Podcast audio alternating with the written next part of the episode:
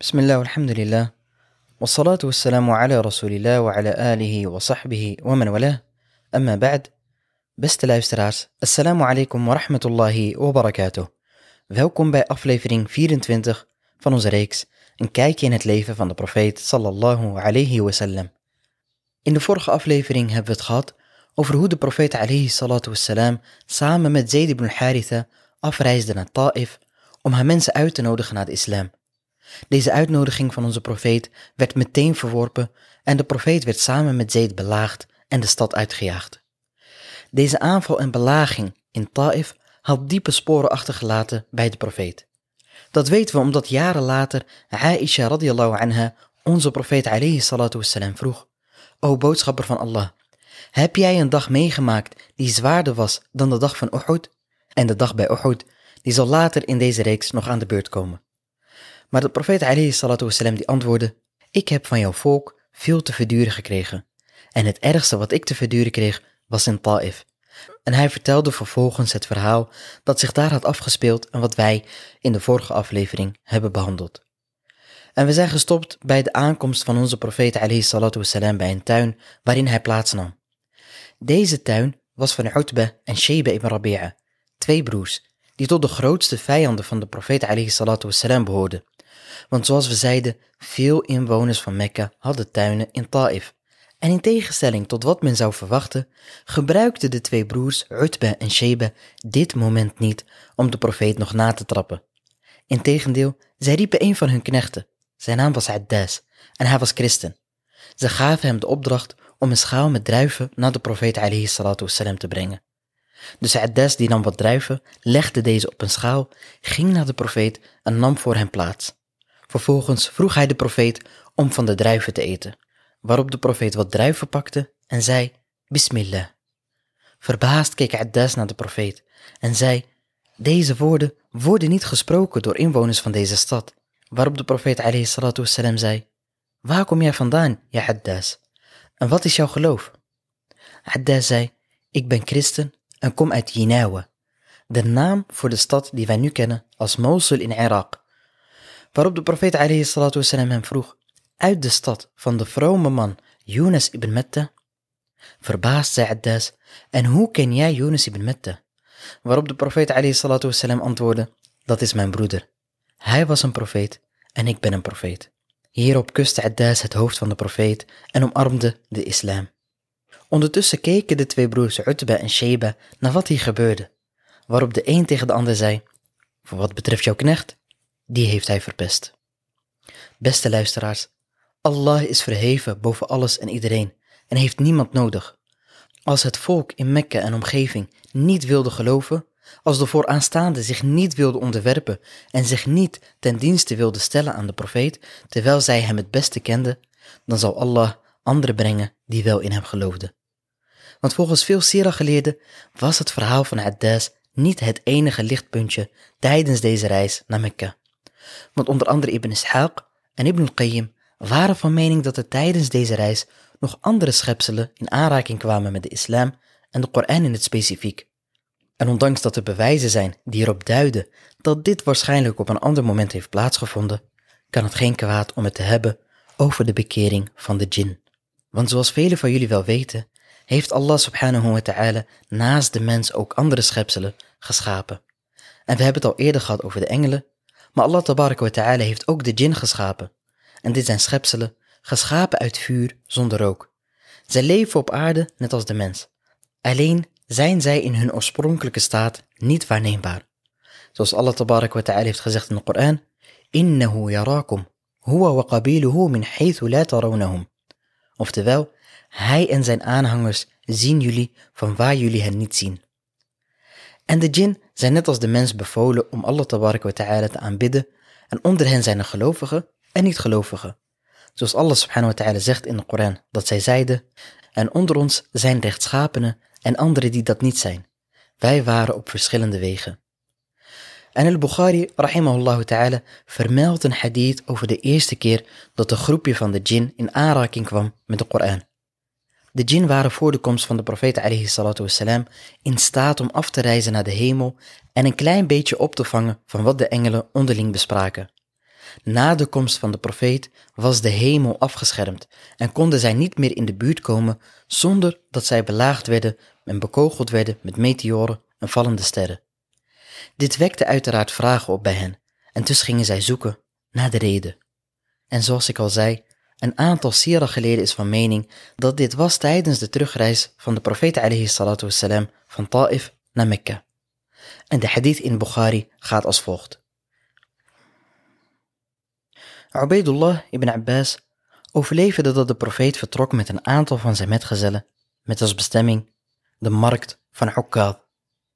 De duivels waren afgeschermd van het nieuws uit de hemel en er werden meteoren op hen afgevuurd. Daarom keerde de Shealtin terug naar hun volk dat vroeg, wat is er met jullie aan de hand? Zij antwoordden, wij zijn afgeschermd van het nieuws uit de hemel en er zijn meteoren op ons afgevuurd. Het volk zei, er moet iets gebeurd zijn waardoor jullie zijn afgeschermd van het nieuws uit de hemel. Reis daarom richting het oosten en het westen en ga op zoek naar datgene wat jullie afgeschermd heeft van het nieuws uit de hemel. Degene onder hen die vertrokken naar Tihama gingen richting de profeet alayhi salatu wassalam, die zich op een plek in Nakhla bevond. Hun bestemming was de markt van Ukkab. Hij alayhi salatu wassalam verrichtte het Fajr-gebed met zijn metgezellen. Toen zij de Koran hoorden, luisterden zij ernaar en zeiden, Wallahi, dit is wat ons heeft afgeschermd van het nieuws uit de hemel. Daarom keerden zij terug naar hun volk en zeiden, Inna sami'na Qur'anan ajaba, yahdi ila rushdi fa'amanna bih, walan nushrika bi rabbina ahada. Voorwaar, wij hebben een wonderbaarlijke recitatie gehoord die leidt naar het rechte pad. Wij geloven erin en zullen nooit een deelgenoot toeschrijven aan onze Heer. Hierop openbaarde Allah tabarak wa ta'ala قل أوحي إلي أنه استمع نفر من الجن Oftewel, zeg o Mohammed, er is aan mij geopenbaard dat een groep van de jinn luisterde. Dus de woorden van de jinn zijn aan hem geopenbaard. Op die manier kwam de profeet alayhi wassalam erachter dat er een groep van de jinn naar de Koran heeft geluisterd en hierin heeft geloofd. En op deze manier kwamen de jinn dus in aanraking met de Koran en bekeerde een groep zich tot de islam. En toen de profeet bijna aangekomen was in Mekka, maakte Zayd ibn Haritha zich grote zorgen om de veiligheid van onze profeet. Zijn oom Abu Talib, die fungeerde als een beschermheer, was overleden. Het volk in Mekka was vijandig en tot kwade dingen in staat, zoals we eerder hebben gezien. Hij vroeg de profeet wasalam daarom ook hardop, Ja Rasulallah, hoe zul jij Mekka binnengaan terwijl zij jou hebben verjaagd? Waarop de profeet wasalam antwoordde, Ja Zayd, Allah heeft zoals jij hebt gezien een opening en uitweg geboden. En Allah wa ta'ala beschermt zijn religie en steunt zijn profeet. Wat een positiviteit. En vertrouwen op Allah wa ta'ala had onze profeet. Het maakt niet uit wat er gebeurde. Steeds bleef hij goede voornemens hebben. Steeds bleef hij goede vermoedens hebben over Allah wa ta'ala en was hij positief en zelfverzekerd ingesteld. Vervolgens stuurde de profeet alayhi iemand van Goza'a naar een aantal mannen van Quraysh om hen te vragen of zij de profeet wilden beschermen. Zij weigerden allemaal, om verschillende redenen, behalve Mut'im ibn Adi. Die stemde volmondig in. Sterker nog, hij pakte zijn wapens en riep zijn zonen en zijn mensen en zei tegen hen, draagt jullie wapens en sta op de hoeken van de Kaaba, want ik heb Mohammed bescherming beloofd. Vervolgens zei hij tegen de profeet en Zayd ibn Haritha, ga de moskee binnen. En terwijl Mut'im op zijn rijdier zat, riep hij, Ja ma'shar Quraysh, ik zal Mohammed bescherming verlenen, dus laat niemand van jullie hem schaden. En de profeet alayhi ging naar de Kaaba, bad twee raka'at en ging vervolgens naar zijn huis, terwijl hij beschermd werd door Mut'im ibn Adi en zijn zonen. Abu Jahl was er uiteraard weer als de kippen bij om verhaal te halen bij Mut'im ibn Adi. En hij vroeg, Ja Mut'im, ben jij een beschermheer of een volger van Mohammed? Waarop Mut'im antwoordde, ik ben een beschermheer. Oftewel, hij was geen moslim en Mut'im ibn Adi werd ook nooit moslim, in tegenstelling tot zijn zoon Jubair ibn Mut'im, de bekende metgezel van de profeet alayhi salatu wassalam. En dit bijzondere gegeven geeft voer om over na te denken. Deze vijand van de islam, die de profeet alayhi salatu wassalam samen met zijn zonen beschermt. Dit gegeven laat zien waarom Allah tabarak wa ta'ala de Arabieren heeft uitverkoren om uit hen Mohammed te sturen. Het zijn deze nobele karaktereigenschappen die zelfs bij de ongelovigen aanwezig waren. De Arabieren werden geroemd door vriend en vijand om hun dapperheid, vrijgevigheid, broederschap en beschermheerschap. Zij stonden bekend als mensen die zorg droegen voor wat hen toevertrouwd was, in zoverre dat zij bereid waren te sterven om een amana te beschermen. Daarom waren zij ook de aangewezen personen om de karavaan van Jemen naar Sham te leiden.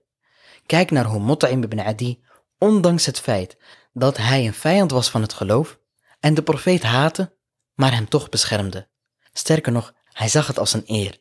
En de oplettende luisteraar kan zich misschien nog wel herinneren hoe we het een paar uitzendingen geleden hebben gehad over hoe de harde boycott in Mekka tot zijn einde kwam. En ook toen was het Mut'im ibn Adi die in opstand kwam tegen het onrecht jegens de profeet. Dit laat allemaal zien waarom Allah tabarak wa ta'ala heeft gewild dat de profeet alayhi salatu wassalam een Arabier was en van Quraysh in het bijzonder. Dat wil overigens niet zeggen dat een Arabier per definitie beter is dan een niet-Arabier. Abu Lahab, de oom van de profeet, zal voor eeuwig in het hellevuur verblijven, terwijl Bilal ibn Rabah tot in de eeuwigheid zal genieten in het paradijs. Na een zwaar en moeilijk jaar voor de profeet met vele tegenslagen bleef hij vertrouwen hebben op Allah, die met zijn wonderen de profeet alayhi salatu wassalam dingen liet bereiken die ongeëvenaard waren. Over een van die grote wonderen zullen we in de volgende aflevering meer te weten komen. Mocht Allah subhanahu wa ta'ala ons kennis en wijsheid schenken. Wa sallallahu wa sallam wa barak ala nabina Muhammad wa ala alihi wa sahbihi ajma'in. Bedankt voor het luisteren. Wassalamu alaikum wa rahmatullahi wa barakatuh.